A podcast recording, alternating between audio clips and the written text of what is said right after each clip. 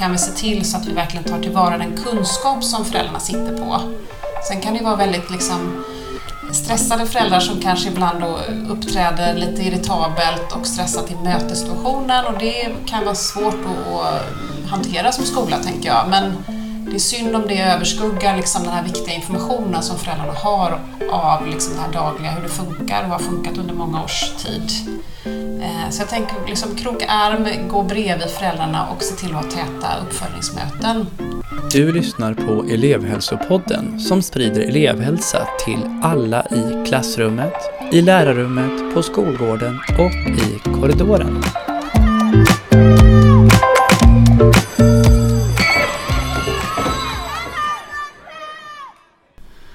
Välkomna till elevhälsopodden. Eh, en podd som produceras av eh, Uppsala kommuns centrala elevhälsa och grundskolans utvecklingsenhet. Jag som pratar heter Stefan Boström och är legitimerad psykolog. Vi ska strax lyssna på det andra avsnittet eh, som är en intervju med Maria Bühler, psykolog som har jobbat mycket med eh, problematisk skolfrånvaro. Eh, känner du till henne Anders? Ja, inte jättemycket, så det ska bli spännande att lyssna. Jag har en bok av henne och kikat lite grann i den och använt den en del i arbetet också som vi gör. Eh, men eh, ja, nej, så mycket mer än så vet jag faktiskt inte. Nej, jag känner henne som eh, en, en psykolog som hon är otroligt erfaren utredare av neuropsykiatriska funktionsnedsättningar. Mm. Det är det hon vurmar för.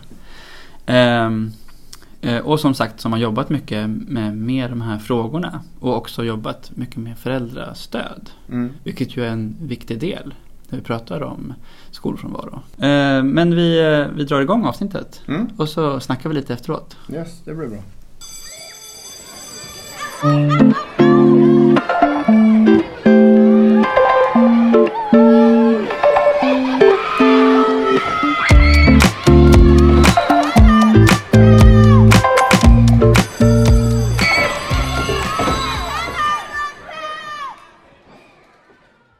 Välkommen till elevhälsopodden Maria Bühler.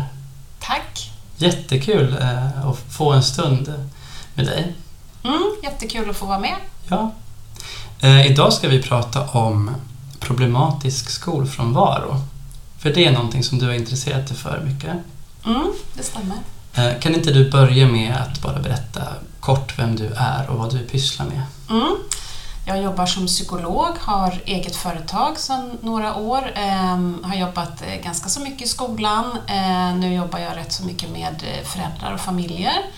Jobbar främst riktat eh, kring eh, elever, barn, unga som har olika former av kognitiva funktionsnedsättningar och olika former av problemskapande beteende kan man säga.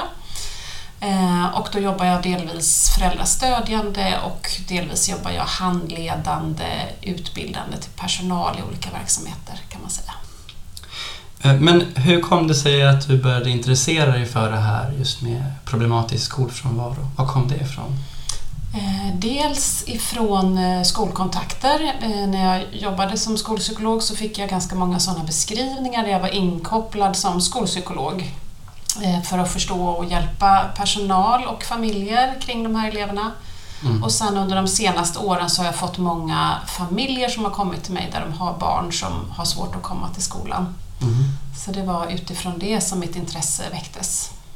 Just det, mm. precis. Eh, och du har ju också skrivit en bok som kom ut för något år sedan eh, tillsammans med Anneli Karlsson och Therese Österholm som handlar om problematisk skolfrånvaro. Mm. Kan du inte säga vad den heter? Den heter Lågaffektivt bemötande och problematisk skolfrånvaro. Just det. Mm. Mm. Där vi skriver om just problematisk skolfrånvaro utifrån det lågaffektiva sättet att tänka. Mm. Mm. Men alltså, problematisk skolfrånvaro, det har ju lite grann seglat upp som ett problem som många pratar om i skolan. Uh, och det har varit liksom uppmärksammat i media där man har sett att det här är nog ett större problem än vad man har trott. Uh, mycket, och mycket är ju att man inte vet hur stort problemet är egentligen. Uh, och så är det många skolor som faktiskt har svårt att komma till rätta med elever som inte är i skolan när de borde vara det, eller när de förväntas vara det. Och om jag ställer liksom den stora, breda 10 000 kronors frågan. Varför är det så svårt att komma till rätta med det här? Där vi är idag så tänker jag att man, man delvis eh, behöver göra ett skifte i synen på de här eleverna. Eh, och som du var inne på så, så vet vi inte tillräckligt mycket än om gruppen, hur omfattande det är. Eh, men våran utgångspunkt, om jag uttalar mig från, eh, från den utgångspunkt vi har haft i boken och mm. kontakter vi har tagit eh, och rapporter och sammanställningar vi har tagit del av så finns det ju en stor grupp elever som har neuropsykiatrisk problematik. Det är en stor överrepresentation av elever som har autism, där Autism och Aspergerförbundet har gått ut med sina väldigt välgjorda och fina skolenkäter där de ändå ser att det är en väldigt stor grupp som har den här typen av svårigheter. Eh, och det har man kanske inte riktigt eh, uppfattat, eh, upplever jag i alla fall, i skolans värld förrän nu. Tidigare har man kanske haft delvis en annan syn på orsaker och det har varit andra elever som inte har varit i skolan också. Mm. I min upplevelse att det kanske mer har varit det som man kallar för skolk som jag tänker är något annat än det som jag jobbar mest med, problematisk skolfrånvaro där man liksom inte orkar komma till skolan. Det är den gruppen som jag mm. jobbar mest med. Sen finns det ju elever som kanske kommer till skolan men sen avviker, gör annat, hänger med kompisar och sådär. Det är min upplevelse att det där är en ganska liten grupp och där skolan kanske har liksom mer kunskap, andra verktyg, men, men just den här gruppen som då faktiskt har ökat ganska explosionsartat de senaste eh, typ sex åren kan man nog säga. Mm. Eh, där tror jag att skolan kanske lite är tagna på sängen och eh, liksom inte riktigt vet därför hur man ska hantera detta. tror jag är en del. Och sen är ju skolan som organisation har ju genomgått en väldigt stor förändring från 2011-2012 i och med nya läroplanen, i och med hela den här diskussionen om inkludering där man på många håll liksom har lagt ner specialundervisningsgrupperna och under vissa, vissa år efter 2011-2012 så skulle i princip alla elever liksom kunna gå i vanlig klass, vilket också blev en ganska stor påfrestning på hela skolsystemet, tänker jag. Många skolor och många pedagoger blev liksom lite tagna på sängen och sen har man försökt komma ikapp i min upplevelse, så, mm. där man befinner sig nu idag, 2019. Just det. Om vi har det systemet där alla elever finns med, är eleven där eller inte? Så menar du att liksom bakom det eh, så, så gömmer det sig väldigt många olika typer av problem och många olika orsaker. Och det som ni i den här boken och det som du har eh, inriktat dig på att belysa är eh, när elever vill vara i skolan men av olika anledningar inte kan vara det. Mm, Förstår precis. du rätt då? Ja, ja, det är precis så. Just det. Kartlägga, det tänker jag är A och O. Mm. Vad, vad tänker du att och kartlägga det kan man göra på massa olika sätt och utifrån massa olika liksom principer eller synsätt eller sådär. Men var tänker du att man ska lägga fokus för att det ska bli en bra grund? För att kartläggningen ska bli en bra grund för det fortsatta jobbet? Det som vi skriver om i boken är ju en modell som, som vi använder oss av som är styrkor och sårbarheter mm -hmm. när det gäller kartläggning. Eh, och den kan man göra ganska så tidigt. Jag tänker en del av det här som du pratar om det är att uppmärksamma ströfrånvaro, att man ska helst inte vänta tills barnet liksom inte alls orkar komma till skolan utan det, det såg också Malin Gren Landell som gjorde den här regeringsutredningen som kom 2016. Eh, hon kunde ju se att ströfrånvaro är viktigt att hålla koll på. Ja. Ehm, alltså någon dag eh, här och där, lite magont, lite huvudvärk en dag i veckan. Det ska vi vara liksom alerta på som skola. Mm. Och liksom redan tidigt där är det viktigt, tänker vi, att gå in och titta just på det här styrkor och sårbarhetsperspektivet som ju handlar om att man är ganska praktisk, att man utgår ifrån att en elev, en individ har en uppsättning styrkor, sådana saker som eleven är bra på, där flyter det på Och sen har man olika sårbarheter som gör att vissa saker i skolan då blir mer utmanande. Mm. Till exempel kan det ju vara ofta i den gruppen som jag pratar om och jobbar kring så är det ju ofta mer ostrukturerade moment är jobbigare för att man har en sårbarhet inför saker som är ostrukturerade, mycket intryck, rast, alla övergångar, matsal, idrott. Det är lite så klassiska mm. delar som brukar vara svårt till exempel. Och då, om man går in och tittar lite just på ut, utifrån ett sånt tänk, vad är det för styrkor, vad är det för sårbarheter vi har hos eleven? Eh, och där kan man ju gärna vara eh, ganska så hands-on, tänker jag, att man går ut och gör observationer, man kanske följer mm. eleven under en dag och tittar så här, hur ser det ut på rasten, vad gör eleven, eh, hur funkar det på mattelektionen, hur funkar det i liksom olika miljöer mm. och samla information helt enkelt. Så kommer man ju ganska långt kring det. Så styrkor och sårbarheter tänker vi är viktigt att ha som en del. Eh, den andra delen som vi också skriver om i vår bok det är ju det här med PERMA. Mm-hmm. Som bygger på positiv psykologi.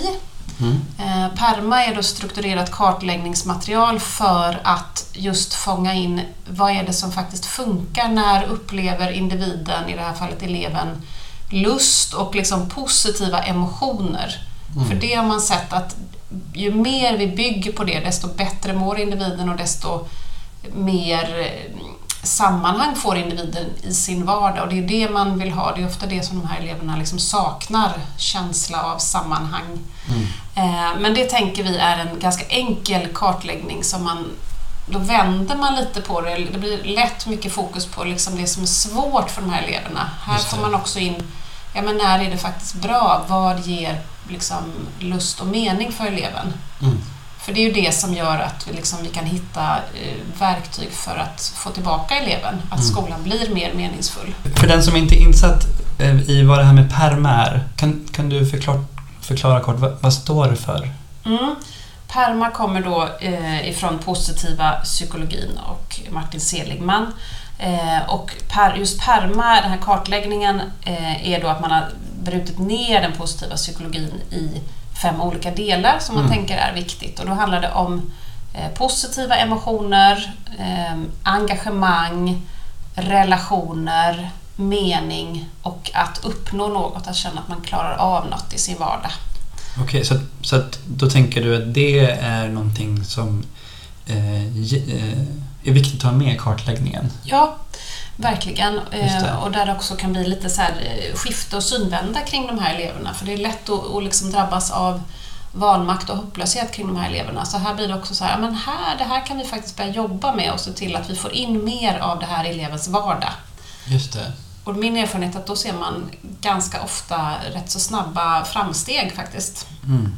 Så att det som jag upplever ofta händer kring de här eleverna, det är att det blir så otroligt mycket press Mm. Man drabbas av eh, panik som förälder, skola och inte minst eh, eh, som lärare. Eh, och man, man liksom går in i någon slags eh, åtgärdande som blir rätt så pressande där man försöker kanske vara lugn men barnet känner ju att okej okay, mamma har ganska mycket panik på morgonen för jag måste komma iväg till skolan och i skolan så har man panik för att man inte vill att eleven ska komma hem och så blir det en ganska hög ångestnivå kring de här barnen tänker jag, vilket barnet känner direkt och liksom backar ännu mer. Och där tycker jag Parma, Perma har liksom just den här stressreducerande effekten på hela systemet, att det mm. blir just lite mer det här okej, okay, men vi, vi struntar i att bara försöka hitta liksom kompensation för allt det här som inte funkar utan mer vi mm. ser var får vi liksom någon slags eh, just lust kring det här barnet. Det blir mm. ofta en ett väldigt bra, en bra synvända i det där. Mm. Okej, okay. vad intressant. Men om man då har lyckats göra en bra kartläggning där man får med de här viktiga delarna. Kan du ge exempel på vad det är för åtgärder som behöver komma till eller som, som du har sett är bra. För att hjälpa elever att mm. komma närmare eller kunna börja fungera i skolan? Jag tänker att relation är jätteviktig kring de här eleverna. Att man har en person på skolan som har någon slags fungerande relation eller kan bygga en fungerande relation till de här barnen. Eh, det, det tänker jag är lite A och O. Mm. Och de exempel som jag tänker på, då har det också kanske varit vuxna som har varit lite mer flexibla, hitta lösningar, kan tänka sig att möta eleven utanför skolan, kanske åka hem till eleven, chatta med eleven, skriva e-mail om man inte får eleven till skolan. Mm. Så lite gå utanför boxen och förmåga att bygga relation. Mm. Eh, och det andra är ju kontinuitet, att man eh, liksom tänker långsiktigt kring de här barnen. Eh, och att man har tålamod i början, för det kommer vara utmaningar, det kommer vara bakslag, men att man liksom har en långsiktig plan där. Ibland får jag beskrivningar där man sätter in en insats som man tänker kanske nu gör vi det den här månaden och sätter in den här extra vuxna den här månaden. Så har man inte mm. riktigt tänkt igenom vad händer sen. Här behöver man ofta tänka minst ett helt läsår i min erfarenhet eh, och att man har liksom en långsiktig plan. Ehm, och sen att man ser över såklart hela, hela kravnivån när det gäller, ofta tycker jag att det handlar om elever som, som inte riktigt klarar av det här eh, kravet på att kunna strukturera sig själv, klara av att gå i en vanlig klass, att det har blivit många små smygande krav som har känts övermäktigt till slut på den här eleven där man mm. behöver se över just behovet av struktur och tydlighet. Ofta jätte, jättemycket, är min erfarenhet. Just det. Eh, och där handlar det om på alla nivåer, tänker jag. Man behöver jobba med kognitiva hjälpmedel, man behöver tänka på liksom klassrummets utformning, lektionsupplägget, mm. eh, innehållet i eh, uppgifterna som eleven får. Mm. Så. Just det. Så tydlighet och struktur för att möta de eventuella svårigheter med det och det här med relationer lyfter du fram och att eh, relationen kan se ut på olika sätt, tänker jag också. Alltså, nu är, eleven sitter ju inte liksom eh, i bänken. Eh, så att man behöver liksom ta relationen utanför den settingen och vara lite kreativ där kanske. Mm, mycket sätt. kreativitet, verkligen. Just det. Och i allt det här så menar du att man behöver tänka långsiktigt för att inte stressa liksom Nej, hela precis. systemet. Så, utan... Verkligen. Tålamod och långsiktighet mm. är bra grejer. Och kreativitet.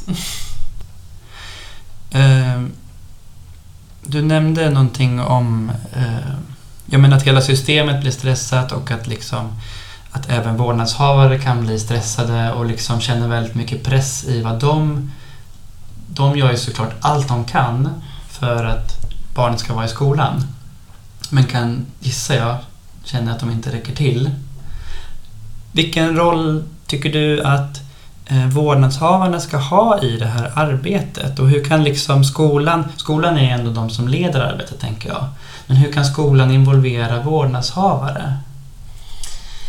Där tänker väl jag att eh, en viktig utgångspunkt är att lyssna på föräldrarna tycker jag.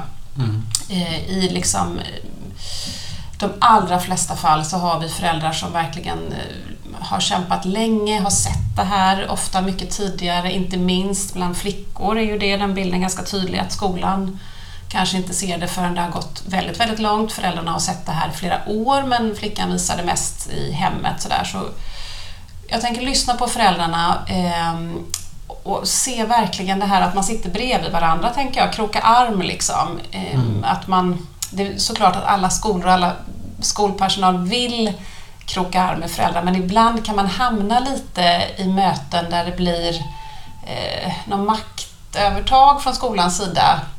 Eller lite sådär att man vill kanske bestämma att man inte riktigt lyssnar in föräldrarna så mycket som man skulle kunna göra, tänker jag faktiskt. Mm. Att man kanske ibland behöver fundera lite kring just mötesformen och hur kan vi se till så att vi verkligen tar tillvara den kunskap som föräldrarna sitter på.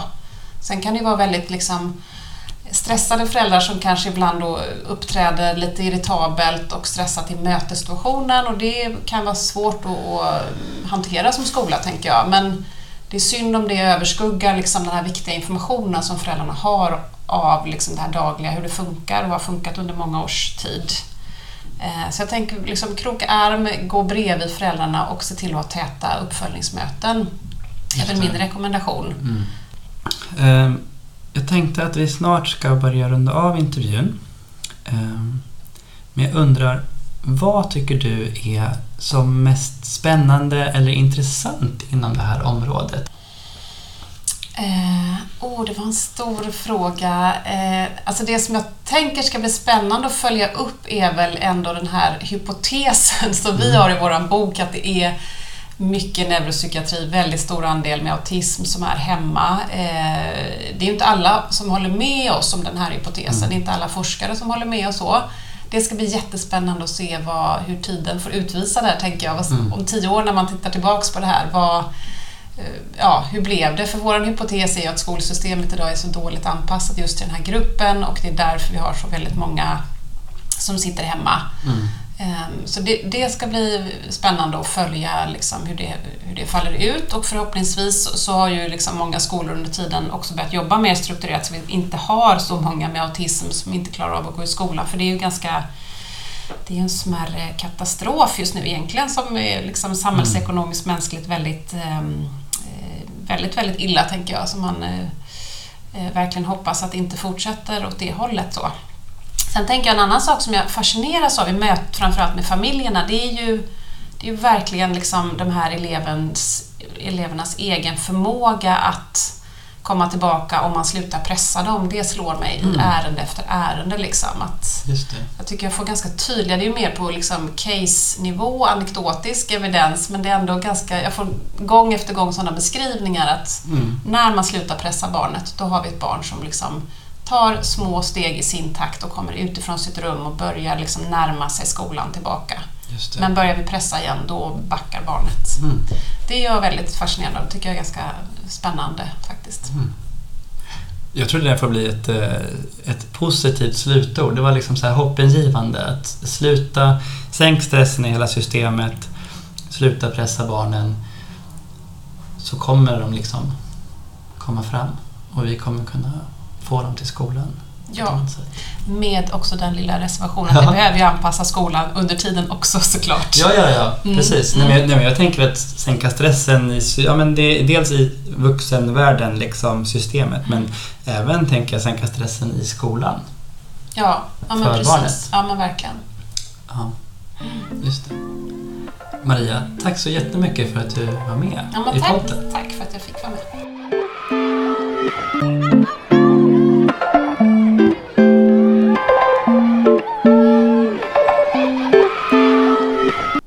Okej Anders. Nu har vi lyssnat på intervjun med eh, Maria. Mm. Min spontana tanke det var det här med det viktiga föräldraperspektivet. Att vi professionella eh, tar ett föräldraperspektiv ibland. Mm. Mm. Vad fick du för tankar om det? Jo, men jag tycker hon är jätteklokt, kloka ord. Eh, jag tror det är jätteviktigt och för många gånger så det är ju föräldrar som har eh, mycket oro, mycket frustration, många kontakter som ska tas. Det är mycket, många bollar i luften för dem helt enkelt. Och, och, jag tror ju att det är viktigt att låta det ta tid att lyssna in föräldrarna och försöka bygga upp någon slags relation man kan jobba utifrån. Mm. Och jag tror det är svårt att dels hinna med för skolpersonal men även svårt att kanske ibland förstå frustrationen som föräldrarna sitter på mm. och bär med sig. Eh, så det är lite som eleverna, att man måste låta det ta tid. Att man mm. måste låta dem få prata. Man måste liksom bekräfta dem i deras oro. Och för när man kommer så långt i processen som det är när du jobbar, när det är verkligen riktigt problematisk skolfrånvaro. Mm. Eh, ja, men då, jag tror det är svårt för oss att förstå hur det påverkar en familjs liv. Mm. Och hur orolig man blir för sitt barn. Mm. Och vad, vad det kan sätta igång, det, kan ju, det blir ju ganska det kan bli ganska konfliktfyllt i min erfarenhet. Absolut. Absolut. Och så är det ju många ärenden vi kliver in i att det är, det är inte helt enkelt. Eller liksom kommunikationen flyter inte som man skulle önska mellan skola och föräldrar av olika skäl. Mm. Och, och, som sagt det bygger mycket på liksom oro och frustration i grunden. Mm. Eh, nej men så det är en jätteviktig del. Du, och som du sa, då behöver man ju lyssna in. Mm. Och, och försöka förstå föräldrarnas oro. Ja men precis. Jag tror också vi kan förhoppningsvis vara ganska behjälpliga där också. Och träffa föräldrarna kanske innan möten och sånt på en, en, en annan arena än skolan. Mm. För att liksom stämma av och låta dem prata till punkt. Och liksom, ja, men vi kanske har mer tid att lyssna in deras situation och, och hur de ser på saker, vad de tycker är viktigt att prioritera och, och även ta med det till, till kommande möten och även informera personalen innan vad det är föräldrarna ska lyfta. Så man inte ska komma fram till det på mötet utan det, det kan nog vara en bra grund. För ni får en annan roll än vad skolan ofta får. Precis. Och, och det, det, känns som att den behövs. Eh, bland annat för att möta föräldrarna. Ja, jo men precis. Och sen att vi, vi samverkar inte bara med skolan. Utan vi samverkar ju med ja, men, socialtjänst och habilitering och omsorgsförvaltning och barnpsykiatri och så vidare. Så vi, vi kan ju liksom plocka med oss många delar och jobba vidare med dem. Och skolan har ju ansvar för vissa delar, tänker jag, kring mm. de här barnen. Eh, så då får vi försöka hjälpas åt där och även hjälpa föräldrarna att prioritera vad som är viktigt att, lyfta för stunden. För de har ju som sagt många, många bollar i luften och det, då blir det svårt att plocka ner rätt bollar. Mm. Utan där kan vi ju där kan vi hjälpa till. Mm. Vad får du mer för tankar när du lyssnar på Maria? Ja, alltså det är någonting hon nämnde som, som jag tycker är viktigt. Det är den här alltså, långsiktiga planeringen. Hon nämner att det, det man ofta ska liksom planera minst ett helt läs, läsår för mm. eleverna när man gör en plan. Och det måste få ta tid. Och det, det tror jag är viktigt. Att man inte gör bara en kortsiktig plan. Utan kan du berätta mer? Varför, varför tycker du att det måste ta tid? Vad är din erfarenhet? Ja, men det, jag tänker många eh, eleverna har ju, alltså ofta de eleverna vi träffar allra helst, alltså är man tidig på bollen då, är, då krävs det inte mycket liksom tid och energi många gånger för att få ordning på elevens skolgång. Och, men, men har det tagit lång tid och de har fått liksom en, en distans till skolan man kanske har tappat kontakten med, med, eh, med både pedagoger och klasskamrater och, och övrig skolpersonal. Så då, då är det ju ett jättesteg att komma tillbaka till skolan. Och då, då måste det få, man måste ta det i små steg. Eller måste, oftast är det så. Mm. Att blir det liksom för stor press på eleven och, och då, då faller det. Alltså mm. då, då får man, når man inga framgångar. Så Nej. jag tror att så små steg och, och, låta eleven liksom få känna sig trygg i, i, små moment, få lyckas.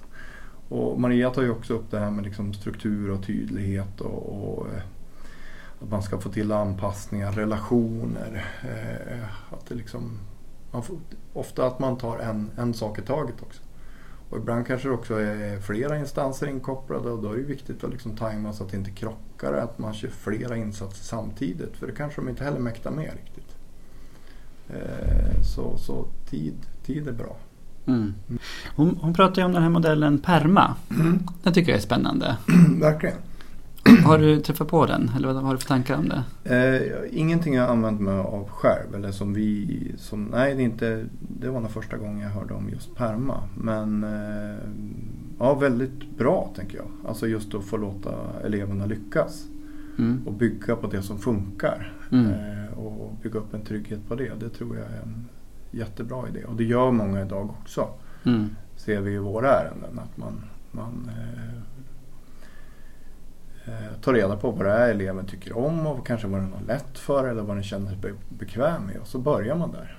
Mm. Och när den väl känner sig trygg då kanske man kan lägga till grejer som den känner sig mindre bekväm i och kanske få lyckas med dem också. Men mm. då har man i alla fall en grund där eleven har fått känna att den kan och klarar av ämnen och situationer och så vidare. Mm. Just det. Ja, men jag tycker det fina med PERMA är att ja, men det, det går ifrån att lösa de här svåra Eh, och ibland långvariga problemen till att öka välmåendet hos eleven och sätta det främst. Mm. Och börja med det. Mm. För då kommer oftast skolan efter ett tag. Precis. Ja, det tyckte jag var fint. Mm.